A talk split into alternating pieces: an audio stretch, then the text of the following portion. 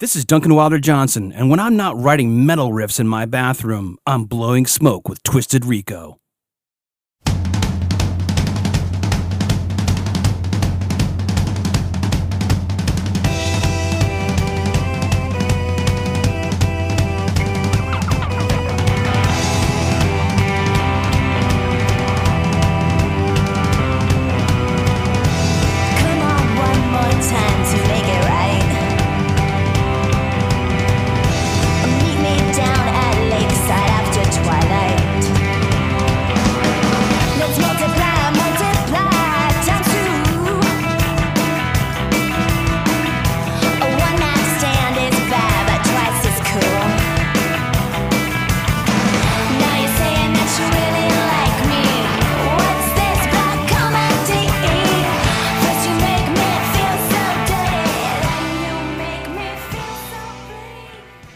This episode of Blowing Smoke with Twisted Rico is brought to you by Baby Loves Tacos and their two outstanding locations in the Pittsburgh area. The original hotspot in Bloomfield and their second location in Millvale, right over the 40th Street Bridge. Baby Loves Tacos where everybody eats.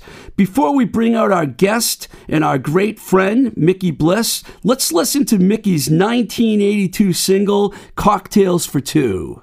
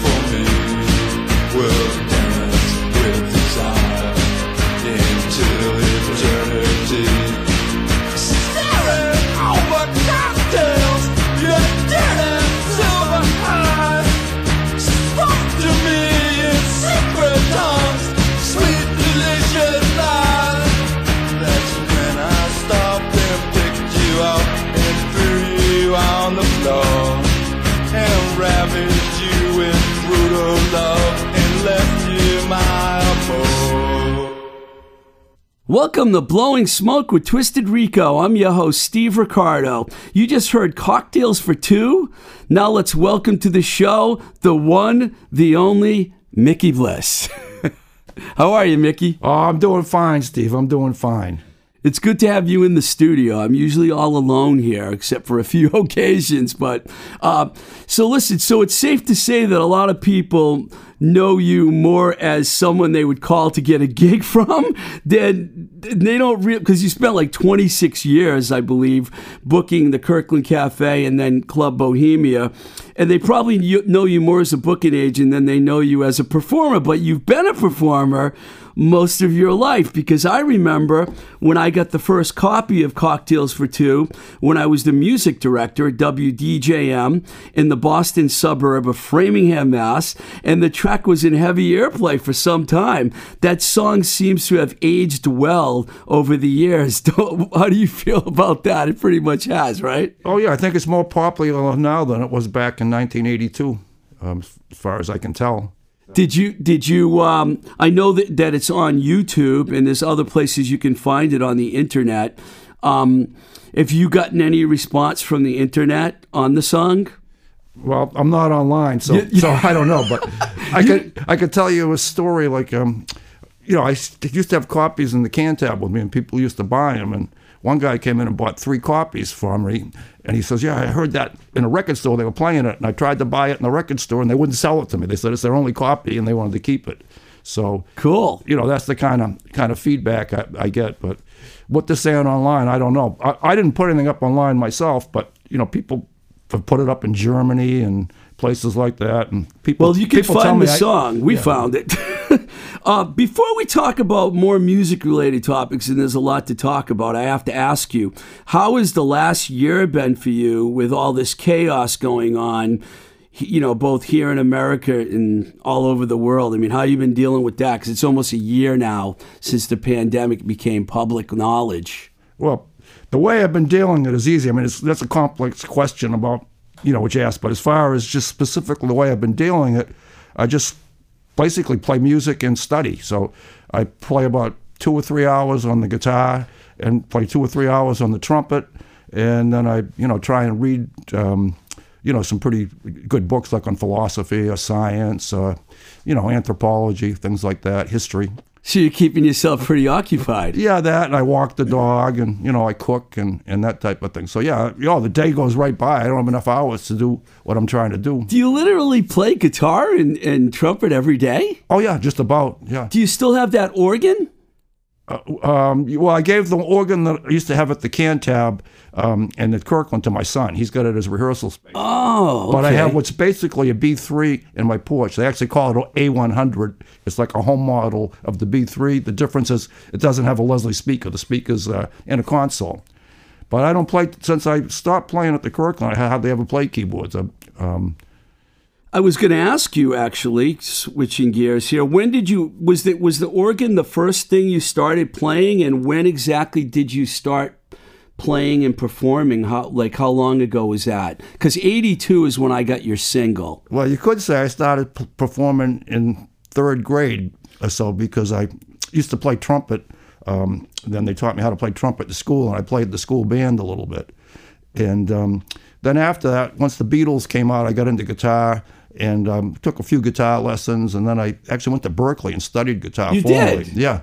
But I kind of gave up on guitar for a while because there were so many guitar players. I, was, I switched to bass because it was easier to get a gig playing bass. And then um, uh, I went in the studio one time that Hammond organ and I played it. Well, I, let me backtrack. I used to run Jack's Drum Shop too. So I used to play a little bit of drums. And at that time, down the combat zone, there were probably like 30 clubs that had bands playing all day and night. So all the organ players used to come, if they needed a drummer, and come to Jack's Drum Shop and get me to come play drums for them. So Come on, I never knew you were a drummer. Oh my! Well- so you can play anything. but I, I wasn't really a good drummer. All I could play was a backbeat. I could keep time. I couldn't do rolls or anything. But um, you know, I could keep up keep time for them, and that's you know what they wanted. They'd give me cheap money because I'd probably get like fifty bucks for the drummer, and they'd give me five bucks to So to play. For people that aren't from don't know Boston, the combat zone, I'm thinking around that time was not a very safe place. It was pretty dangerous, wasn't it? Not, I mean, it could be if you were foolish. Like, so people, there used to be a lot of girls that would pretend like they were hookers and they'd pickpocket people. But Oh, that's lovely. you know, if you didn't talk to them or anything, it was no danger. I mean, you know, if you minded your own business, and just went through there, it wasn't really too dangerous. But So, yeah, so you didn't so you didn't feel ever threatened when you were in that area. Wow. But I could tell you a story if you got time for a war story. So um, there used to be this girl that was a dancer, and she broke up with her boyfriend. So they were worried about him doing something to her. So they used to have us walk her to her car, and I didn't think anything about that. I used to walk her to her car every night to make sure she was safe. Wouldn't you know that when she was at home, she was jogging or something, the guy jumped out of the bushes and killed her. What? Yeah. Wow. She was a real nice girl too, uh, Lorraine. She was studying to be a doctor. She was working her way through medical school by dancing down the combat when you zone. say dancing, you mean a strip bar. well, we used to call them exotic dances, but Yes. because the reason I say that is because back in those days it was a real art. The girls used to pay thousands of dollars for their uniforms, and um, no, not the uniforms, their costumes, and they used to really, you know, study dancing and put on a show. I It was more artistic. Exactly. in fact, before my time, they used to actually have charts written out that they'd give to the bands so that, you know, when they did a, you know, shook their body a certain way, the drummer would do a roll and all that type of thing.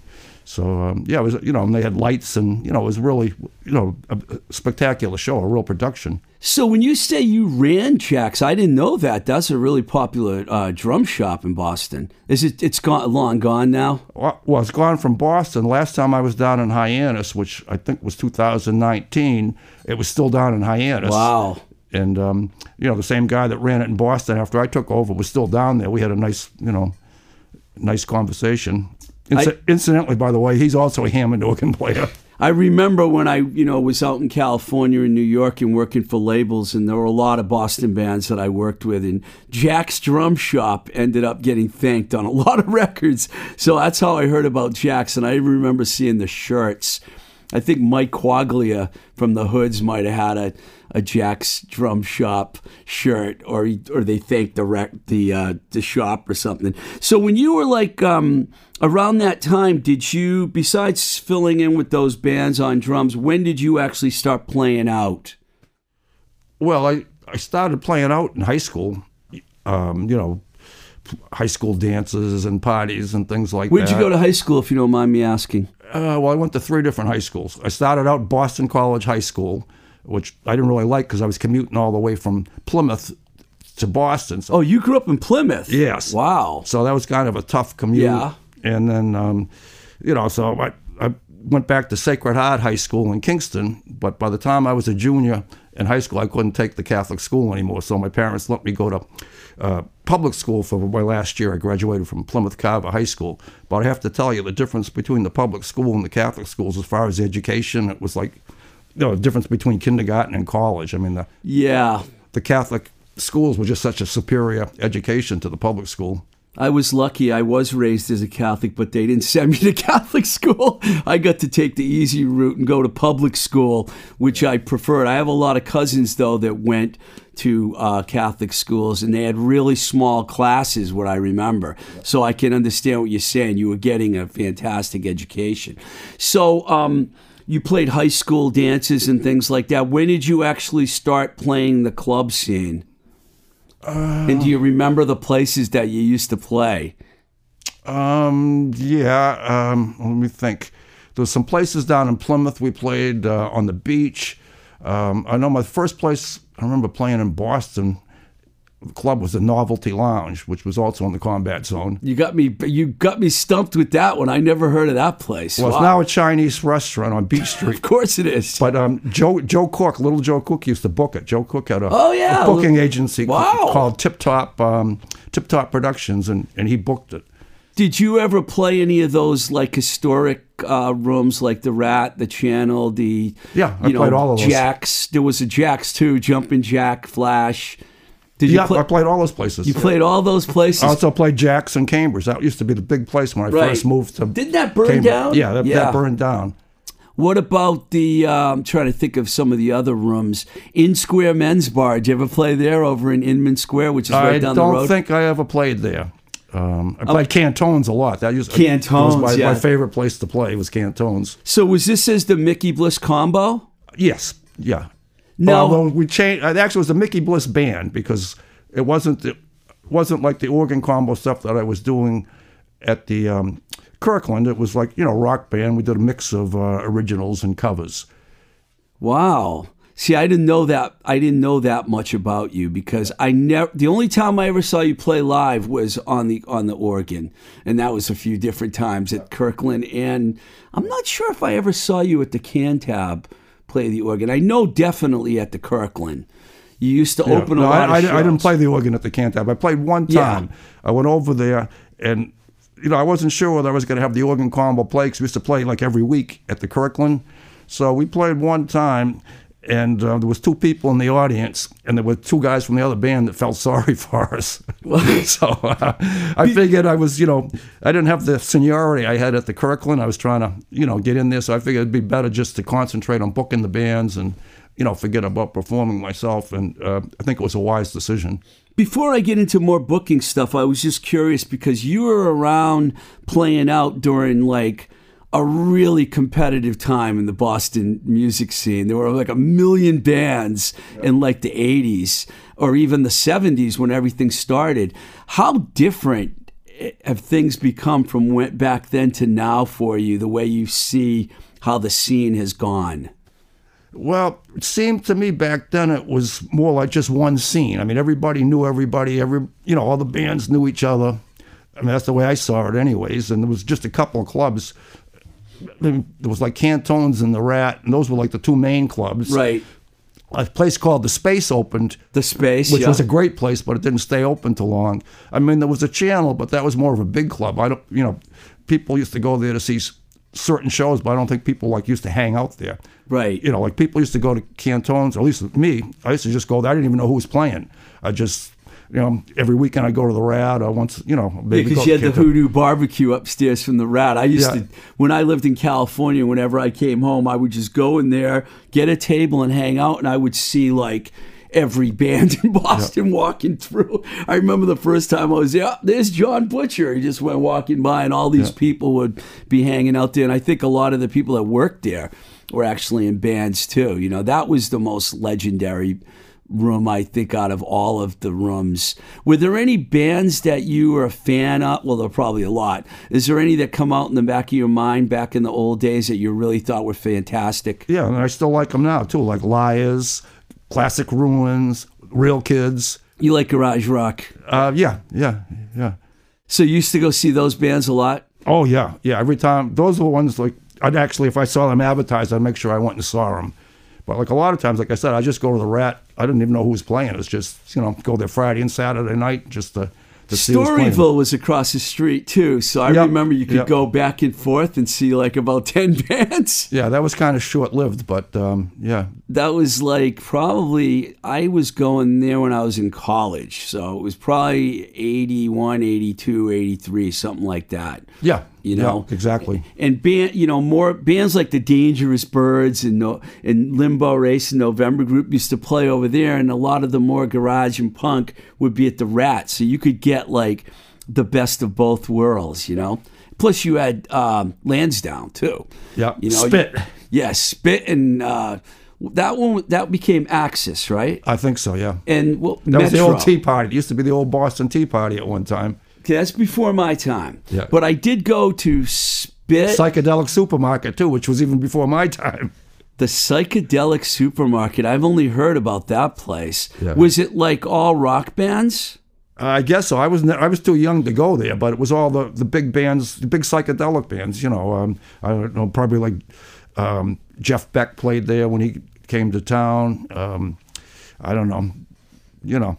When when you were going to see the Lyres and the Real Kids and the Classic Ruins and all those bands, were any of those bands bands that you thought, oh, this band's gonna be like huge? They're gonna be like a worldly known band. I mean, did you get that vibe from them? I didn't really think it like that because I was a punk rocker. So, you know, soon if they got successful, then they would have sucked. Did you know Jeff Conolly and all those guys back then? No, You no. In fact, they were heroes to me.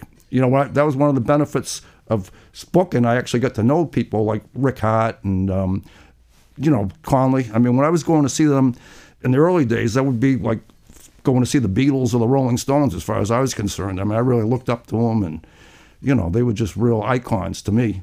Did you ever see like the neighborhoods and the outlets and bands like that? Yeah. Oh, yeah. Oh, I don't know if I. Yeah, I saw the outlets down at Cantones. I saw the neighborhoods a couple times. Yeah. Oh, God, when I think about those days, I mean, it was just such an unbelievable scene. Oh, yeah. There was so many fantastic bands. I mean, it's just amazing. Well, you can't say right now because we haven't done anything in over a year. But before you le- did you leave the Cantab before the pandemic? No. So the pandemic pretty much shut you down. Yeah, March 13th uh, was a Friday. And so I was working at my day job, and um, I, I come in in the afternoon. I start getting a call from one band saying, Well, this pandemic thing uh, is starting to get serious.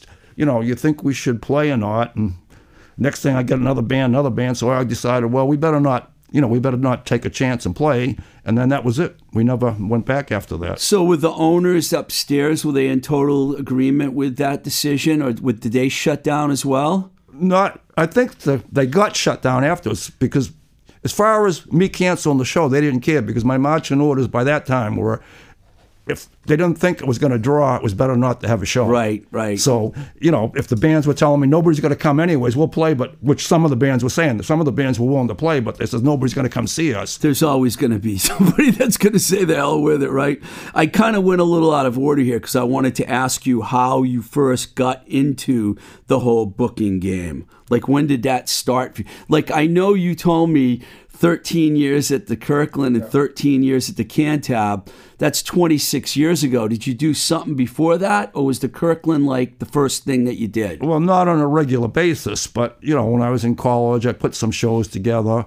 Um, I What put, college? Oh, Berklee, Berklee. Well, I won't. I mean, I went there a couple of years, but I also went to UMass Amherst. Oh, And that's where I would put the shows together. Oh, and I forgot. Yeah, UMass Boston. We had a place called the Rock and Roll Club, and um, every month we used to put on shows. It, I used to it was cool when was this about? What year? I uh, let's see, I graduated from that school in 1981. So I'm not 79 between 79 and 81. I was finishing up my undergraduate degree at um, UMass Boston. And the cool thing was I used to be able to get a one day liquor license from the city of Boston. So I felt like you know king King Bliss. Yeah, because I had a liquor license. I used to put them up on the wall in my my uh, house and stuff. So you know, we'd sell beer and wine, make a little bit of money. We got we got Lou Miami to play. Um, Pastiche played there. Oh, wow. The Count. The Count was the first band we got. He was pretty big back then. People Yeah. don't realize, but the Count used to have a following. I mean, remember Count Viglione. Yeah. Yeah, he was one of the first guys that ever started putting out like independent records and stuff. And you know, he was pretty big back in the day. So. So you booked shows in college, and then after you did that, how did you end up with the Kirkland? Well, I was playing um, in a band called the Modniks. The Mod Nicks? The Modniks. Did they ever release anything? Because I love yeah, that name. Yeah, they put out a couple 45s. Oh, I'd love to hear those. You have any? Um, not with me. I have some, yeah. Wow. But I'm a record collector. so so you were playing with, with the the Mod Modniks. And um, we had a friend in Somerville, and, you know, we were looking for gigs, and this guy says, oh, you know, you should go down to the Kirkland Cafe. They're having trouble booking bands. So then the light bulb went in my head. I said to the guys, well, we should talk to them and see if they'll let us, you know, book the place, and then we can get our own band to play there. So a couple of the guys, I didn't make the proposition. They went down and made the proposition to Joe Hearn, who was the owner, and he, he went for it. And uh, we started out one night a week. We used to book Friday nights. He gave us Thursdays. We used to go in and rehearse on Thursdays and then book Friday nights. And I ended up with it. The other guys, you know, got tired of it after a while and left. And I ended up doing it and booking it. So that was 26 years ago. So that was like in the late 90s. Like yeah, around- June 1993. Oh, 93. Wow. Because I actually met you. Well, I knew you from from the Mickey Bliss combo because Yep. we talked on the phone like Well, I went to your studio too and Yeah. went, went over to your dorm room afterwards. that's right. Wow, you have a really good memory. I wonder what we were doing in that dorm room.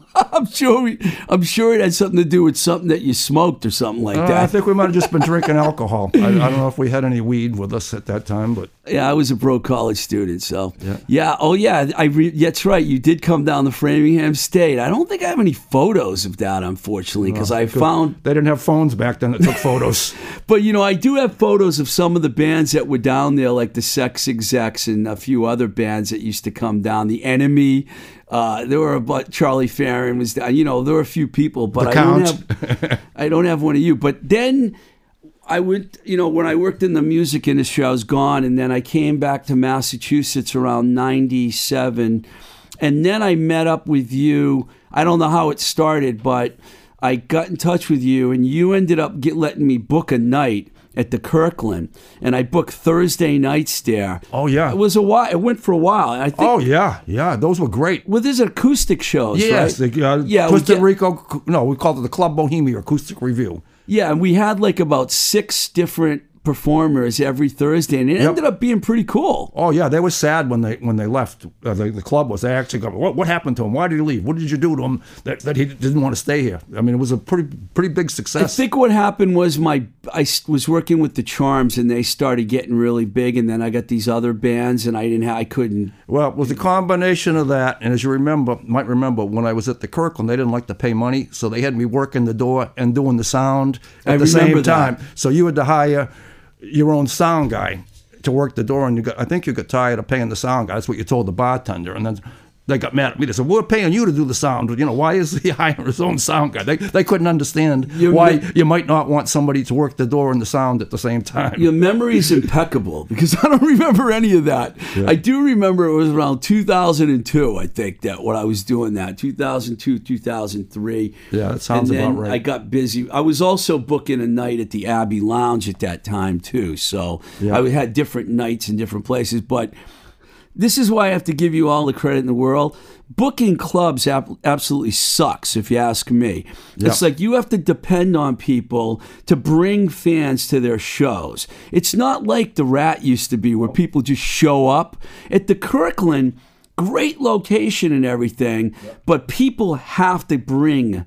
The bands have to bring people. At that time, they did, and it didn't always work out, no, did it? No, no. And the other thing is not only bring people, they got to bring people to drink and tip the bartenders. Because even if you get a crowd that, first, the worst thing you can do is get a crowd that's big and it's buying a lot of drinks and not tipping, because then the bartenders go apeshit because they're working and they're not making any money. That's all they care about, really, is alcohol sales. Yeah. Pretty much those kind of rooms. You Yeah. know, some are rock rooms, and they're like, we don't give a shit. We're just Oh, going to yeah. get these great touring bands, and whatever happens, people will pay to get in. Yep. But uh, the rooms that you worked at, the two specific ones. The bar business was important because I remember a few times there weren't a lot of people there, but you were like, "It don't matter. They're drinking a lot." Yeah. So. I managed to get a lot of people that drank a lot to show up, and I think that's why we did pretty good with that. Um, I don't remember the the basics of what happened at the Kirkland. Maybe you can run us through that. How did you, that all end for you? Because you were there for 13 years. Well, Joe Hernan um, was the man who owned it, and unfortunately, he died rather young. Well, to me, was rather young. I think he was like 58. He got cancer and died, and his wife took over. But she was a nurse. She didn't really like running the business. And um, so then what happened is, you remember they had the big fire down at the station down in uh, Rhode Island. Oh yeah, yeah, I remember. Uh, it was then, horrible. Then Somerville made a, a law that any bar had to um, put in a sprinkler system. And so the sprinkler system, I think, would have cost them like fifty thousand dollars or seventy-five thousand dollars or something to put the sprinkler system in, which is more than she made for profit in the whole year. So she sold the business. That's what happened. She sold the business, and um, I was fortunate. Uh, one of the guys that used to play drums in the organ combo once in a while was working over at the Cantab in the Chicken Slacks, the drummer for the Chicken Slacks. yeah, yeah. Yeah. Well known band. He got me the gig over at the Cantab. Oh, so did that happen immediately? Because I was going to segue to that. Yeah, in fact, because we had a you know a lot of lead time. There was like you know maybe three or four months when you know they told us it was going to they were going to close in May, and um, you know this guy Justin from the Chicken Slacks knew it, and um, you know he talked to Fitzy, the owner of the Cantab, and took Fitzy a while to make his mind up though. Fitzy didn't let me know till May, and then he wanted me to start the next week. I says, Fitzy, you know it's going to take me a while to book the band, so I took a month off. We ended on Labor Day weekend, the Kirkland. We had a big show. It was like a big Woodstock, three days. Every band that we could get, we had about forty-five bands that played there. Uh, you know, What year was that? uh, 2007. I was not here. I was in uh, Arizona. I missed that. So then the end, end of June, I started the, um, the at the Cantab. wow. And then we reunited again. Yeah, yeah. Around 2009, you gave me a couple nights to book there. And I what I liked about that room was it kind of reminded me of the rat. Matter of fact, there was one night I'll never forget it. There actually was a huge rat in the room. I don't know if you remember that. Yeah. I'm Yep. standing there at the bar and, and I hear these Yep. girls go ah, and I look and there's a rat bigger than my cat. Yep. Like sitting there. It- you know, Cambridge. You know, Cambridge is like. Yep. Th- th- there was a pretty big difference from. I don't know. Is Kirkland considered Inman Square still? I don't know if it's Inman Square, It's but in it's, some, it's Somerville. It's right on the borderline. Um, There's a big difference though between that neighborhood and Central oh, Square. yeah, yeah, absolutely. Central Square, even though it's Cambridge, people in other areas all think Cambridge is all like beautiful and everything. Yeah. You know, it is expensive, but there's a lot of rats in Cambridge. You used to go in the subway station at Central Square at night, and you'd see rats walking around on the tracks. And Oh stuff. yeah, oh yeah, absolutely, yeah. But that was kind of the appeal of the place, though, because Yeah. you know it.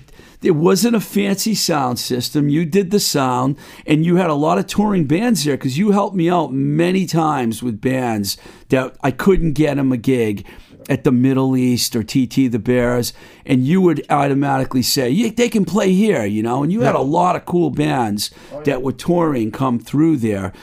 Did Death Valley Girls play there? I yes, thought so. yes, yes. It was they. Can, I can't believe that because they're one of the biggest bands in LA right now, Yep. and they couldn't get a gig anywhere. Somebody brought them to you. Is that how they ended yeah, up? um, illegally blind. I forget the fellow's name. Um, who who he ran A local blind. promoter. Yeah, yeah. He was over at the Middle East. I can't. You know, I'm getting a senior moment. I can't remember his name. It doesn't know matter. I do, I do know that there were other bands like that, bigger bands, and I'm going to Yeah. ask you about that. I remember the first show that I did there. Did there was, unfortunately, it was the biggest show I think when I had the Caged Heat All Star Band with Dana Colley from Morphine and Jay Thornton from Scissor Fight and Johnny Strange. Man, I mean, she put together like Chili Kurtz put together an unbelievable lineup for that show. And Milk Toast, which is really who are really big out in Denver now.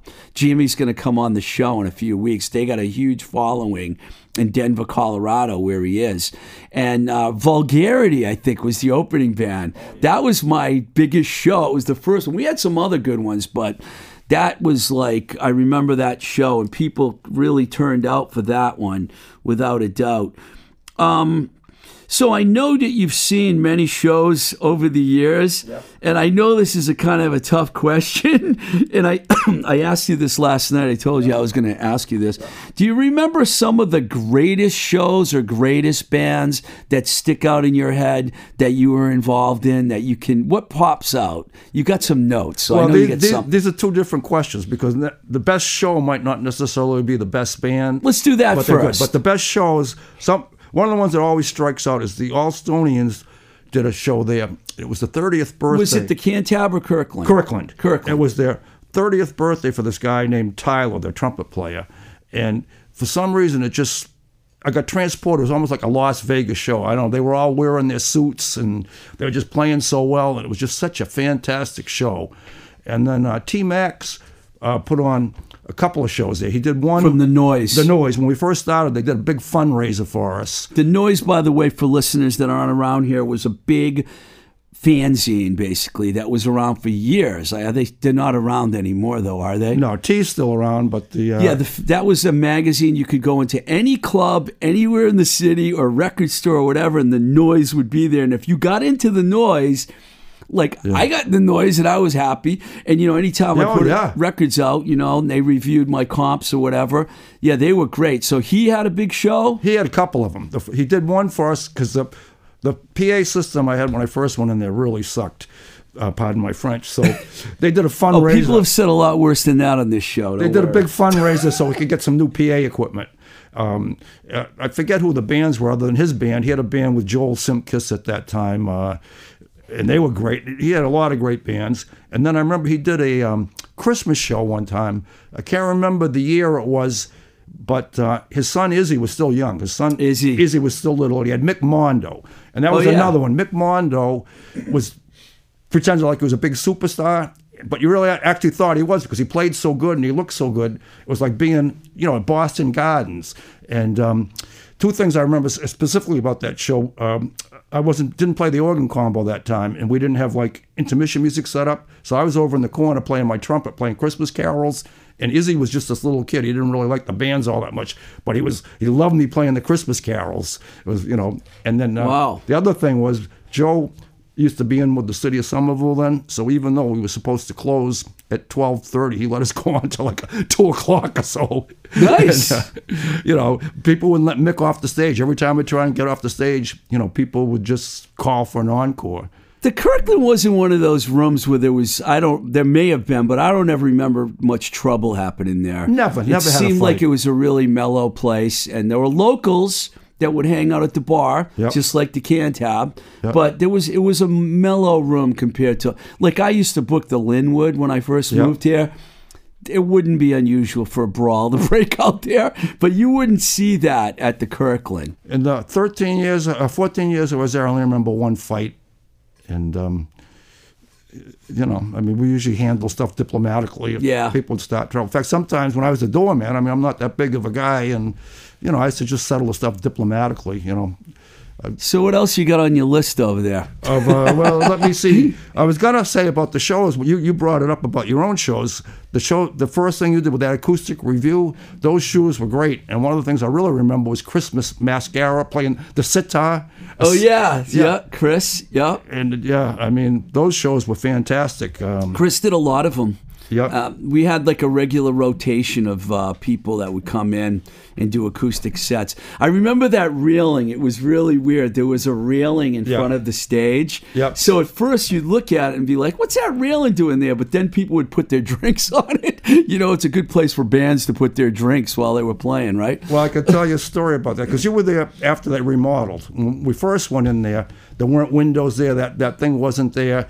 You could drop a, you could let a hand grenade off in there. You couldn't hear it outside because, you know, it was all soundproof and everything. So then when Joe knew he was dying, and his wife and his, and his relatives didn't like the way the way it was a dive bar with all the rock bands. In fact, they were going to upgrade it. They were going to make it into a piano bar. But unbeknownst to me, so I see the railing and everything. I say, "What's what's this railing?" They said, "We're going to make a piano bar." He says, "Who's going to play the piano?" They says, "You are." I says, "Number one, I don't play piano. I play organ."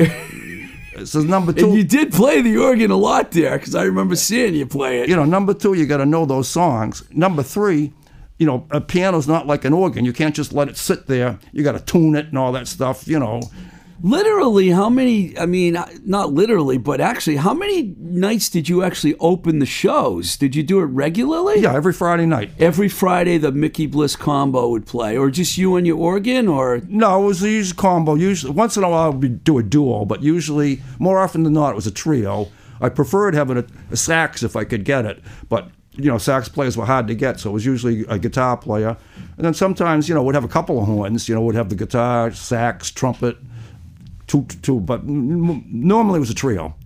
was that it for like greatest shows or best? well, I got this other show or- over at the Cantab. Now, I didn't book this one. Martin Doyle booked it. If you might remember, Martin was booking the baseball tavern, Yeah. and he got thrown out of there. He had He's gotten thrown out of several uh, clubs. I can say that affectionately for my friend Martin Doyle. I'll tell you, Martin. You know he's very controversial, but as far as I go, he's we're good. Me and Martin are good. We've always been good. So, so he booked something down at the. Oh, he was he was booking there for a while, but the first show he booked, he brought uh, he had Gang Green uh, booked because uh, I forget the singer. at the Cantab. I forget the singer's name, but he was Chris getting, Doherty? Chris Doherty was getting ready to go to jail for a while, Yeah, I remember that. so it was a big show. So Doyle brought it over to the Cantab, and uh, first thing that happened was he helped himself to the beers, so he got caught drinking. And Fitzy comes downstairs, "You giving away the beers?" Oh, oh no, Fitzy, you know I Martin, you talking about? Yeah. I says, I, you know, I wouldn't give away your beers. I know that's how you make your money. So he's already off to a bad start. The first band he has on is this band called Mob Hit. And they were so goddamn loud, you know. and Fitzy comes downstairs and says to Martin, you know, they're too loud. You got to turn them down. And Martin, you know, Martin says, I'm not going to turn them down. He says, he takes Fitzy outside. He says, look at the line out there. so there was a, such a big line. Fitzy let it go. But I mean, these bands were so loud. They um, How many people you think they got in that room? Because I well, remember it was a hundred room capacity, and we filled the capacity, hundred person capacity, and that that was a huge show. so they had to stop letting people in. Yeah. So then Martin started, you know, booking shows there for a while. He was probably um, I don't know, maybe six or seven months. But um, the, one of the last shows he booked, um, he was promising all the bands that they could. Um, what do you call it? I guess you get free drinks. I forget what you call it. when you- Drink tickets. well, not drink tickets, but he was running a tab. okay. But but mostly he drank most of the beers himself. And but so when it came time, uh, you know, some of the bands were drinking too. But when it came time to pay him, he didn't have money to pay the tab, so we took it out of the. I took it out of the door money. Oh, that must have went over great. Well, he he got in a fight. He, he attacked me. So me me and him getting a fight. he the- attacked you? me and him getting a fight in the back room, and I was about ready to whack him over the head with a mic stand, and the bouncers come in and, and, and grab me. So These are the kind of stories we like on the Blowing Smoke with Twisted Rico podcast. Brawls. So then the manager come down and made us shake hands and everything. We go out and smoke a joint. Next day, Martin calls me up and says, "Did I get in a fight last night?" I says, "Yeah." He's a good guy, He says, man. "Martin, who'd you get in a fight with?" I says, "With me." I, I, I like I like Martin. oh, man. me too. I, I love Martin. He was a he was a great guy. You got you got anything else on that list over there? You got quite the list. Well- did you write a novel? No, but so okay, those are the those are the um, the shows I remember. Now, as far as bands, I mean, when we first started out, um, oh, some of the other big shows. There were two big shows we had. Was one was was Kenne Highland's birthday party, his Okay. fortieth birthday. And what Kenne did was Kenny went and invited every band in town to play there. We even got Mr. Butch to show up, but he didn't have a set list. I mean, he didn't have like a, a list when people were supposed to play. So everybody shows up. Everybody's fighting about when they're going to go on. You know, Oh my god. it was up to me to, you know, to, to straighten it out. But you know, it was a great show. So then I don't know if you Putting know. on those big shows, I've done so many of them. They're the Yep. biggest headache in the world. When Yep. you, you you know you got a backline and they still can't get everybody to like you know. This is what I meant when I said earlier. Yep. It's a tough business. It's not easy booking clubs. Everyone has their own idea about everything. Everyone wants to play eleven o'clock on a Friday night. It's it's just a nightmare. It's like it's not like the old days, you know, where bands would just play whenever they were scheduled. Now it was like we want the Hollywood slot, you know. Well, when I first started, everybody wanted to go on last because that was the headliner slot and that was the status. By the time I went over to the Cantab, everybody wanted to go on first because no, it, you know, even the young bands because nobody stays out late anymore. But It did things did change. So then, I don't know if you know Helene Saad, who's been around for, for years. Yeah, I know the years and name, yes. So when she turned 50, she had seen Kenne's 40th birthday. So She wanted to do her. she did the same thing, and that was a big show too. But that time we were a little bit more organized. We you know gave the band set times and everything. The reason I mentioned those two was because when I first went over to Kirkland, Kenny lived right around the street, and Helene lived uh, uh, over on Prospect Street, and they used to come every night, and they both had like basically communes in their apartment. So they used to bring everybody from their apartment That helps. And you know they both also had a lot of friends so they were like you know a big key in my success because you know they brought the people for the i don't know probably the first year.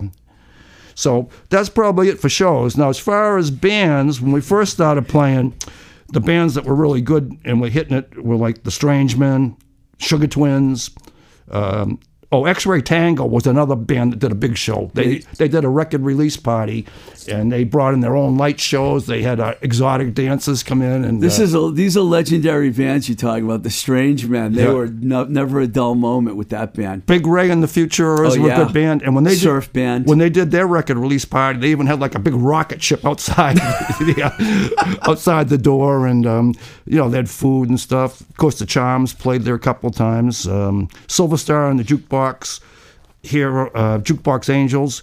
Um, now, some of my other favorite bands as we went on in time were like. Um, the Clydesdale Cowboys. I don't know if you know John Meadows. He's an excellent, excellent musician. I mean, Clydesdale, Clydesdale Cowboys were a typical country band, but he could also, he had a band called The Rods where they did Rod Stewart covers. Oh, beautiful. He had a Deep Purple band where they did deep, deep Purple things. And then if you're ever at the Cantab when um, uh, Diana Blue played, she used to always uh, end the, show with a Janis Joplin song. Um, oh, I can't remember the name of it, but met us one time. He's doing the Clydesdales Cowboys. And all of a sudden, he does the Janis, Joplin song, dead on, spot on. Wow. And everybody at the Cantab got a kick out of it because I was sick of hell out of the. Uh, um, There's a piece of my heart. Is that the Janis Joplin song? yeah, oh, Take yeah, a little yeah. piece of my heart. Yeah. They were sick of it, even though it's a great song. And she did it great. It was like she did it, you know, every night, Friday and Saturday. She ended her set with it, so it was good. The Darlings were a good band. that Oh yeah. Played there all the time. Uh, Mr. Airplane. Uh, Mr. Airplane, played, man. Played a couple Lo- of times. Love that band. Turpentine Brothers. Uh, the Varmints is like a very underrated Varmints, band. yeah. With um, Billy Borgioli. I Yeah, mean, you really like garage rock. he, ne- he never got his due. I mean, he was a great Yeah. songwriter, um, great singer, but you never hear him like compared to the Lyres, uh, Real Kids. In fact, he got kicked out of the Real Kids because he wouldn't cut his hair back when Speaking of hair, you have a good real kid's haircut going on right now. It's too bad this show's not on video, but I did snap a couple photos, so we'll Yeah. we'll get that that. I don't know. I would call that a '60s haircut that you Yeah, got so, going on there. Um, Artie Freeman told me it's a Brian Jones haircut. There you go, Brian Jones. Wow, well, you've given me like a, a, a lot of info, Mickey. Yeah. I appreciate it. So uh, before I let you go, I want to ask you what is like. Are you going to get back in the game when things open up, or are you done with the game? I have no idea, Steve. I mean, one of the things, like you were talking about, was the alcohol thing. I mean, you know, I did it for 26 years, but I'm sick of being an alcohol salesman. You, you Yeah. know what I mean? It's, but I don't know what other kind of business model there is. I mean, ideally, if I could do it, I'd like to open a little health food restaurant that had entertainment. But you know, the thing about the restaurant business is even that to really make it, most businesses you got to sell alcohol. I mean, most, Right. most restaurants they don't make their money selling food. It's a loss leader. They make their money, you know, selling alcohol and maybe coffee and tea. The model that we got going on here could work. There's an art studio. Yep. You could have bands play in the studio. You could have an art show going on, and you can get a beer company to come down and sponsor it or whatever.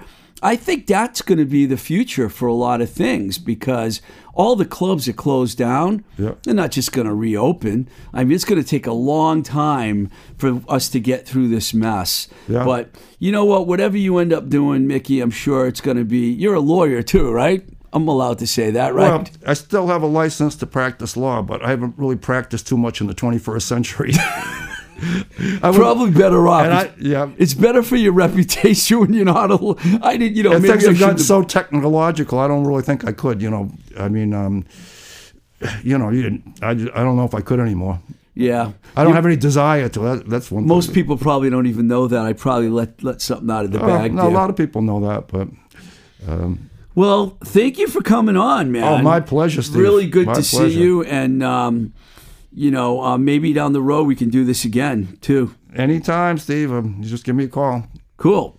All right. Uh, well, we have an amazing lineup of guests coming on the podcast in weeks to come. Uh, Ruthie Morris, the guitar player of the Atlanta, Georgia band Magnapop, one of my favorite bands ever, is going to be here.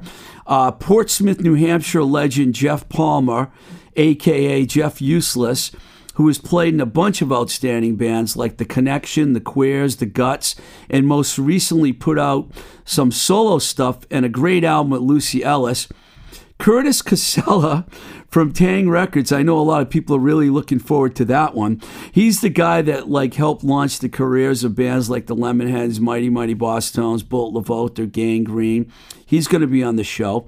Uh, Bob Mayo uh, from one of Boston's hugest metal bands, Wargasm, will be here to talk about a lot of controversy that he went through with his record uh, labels.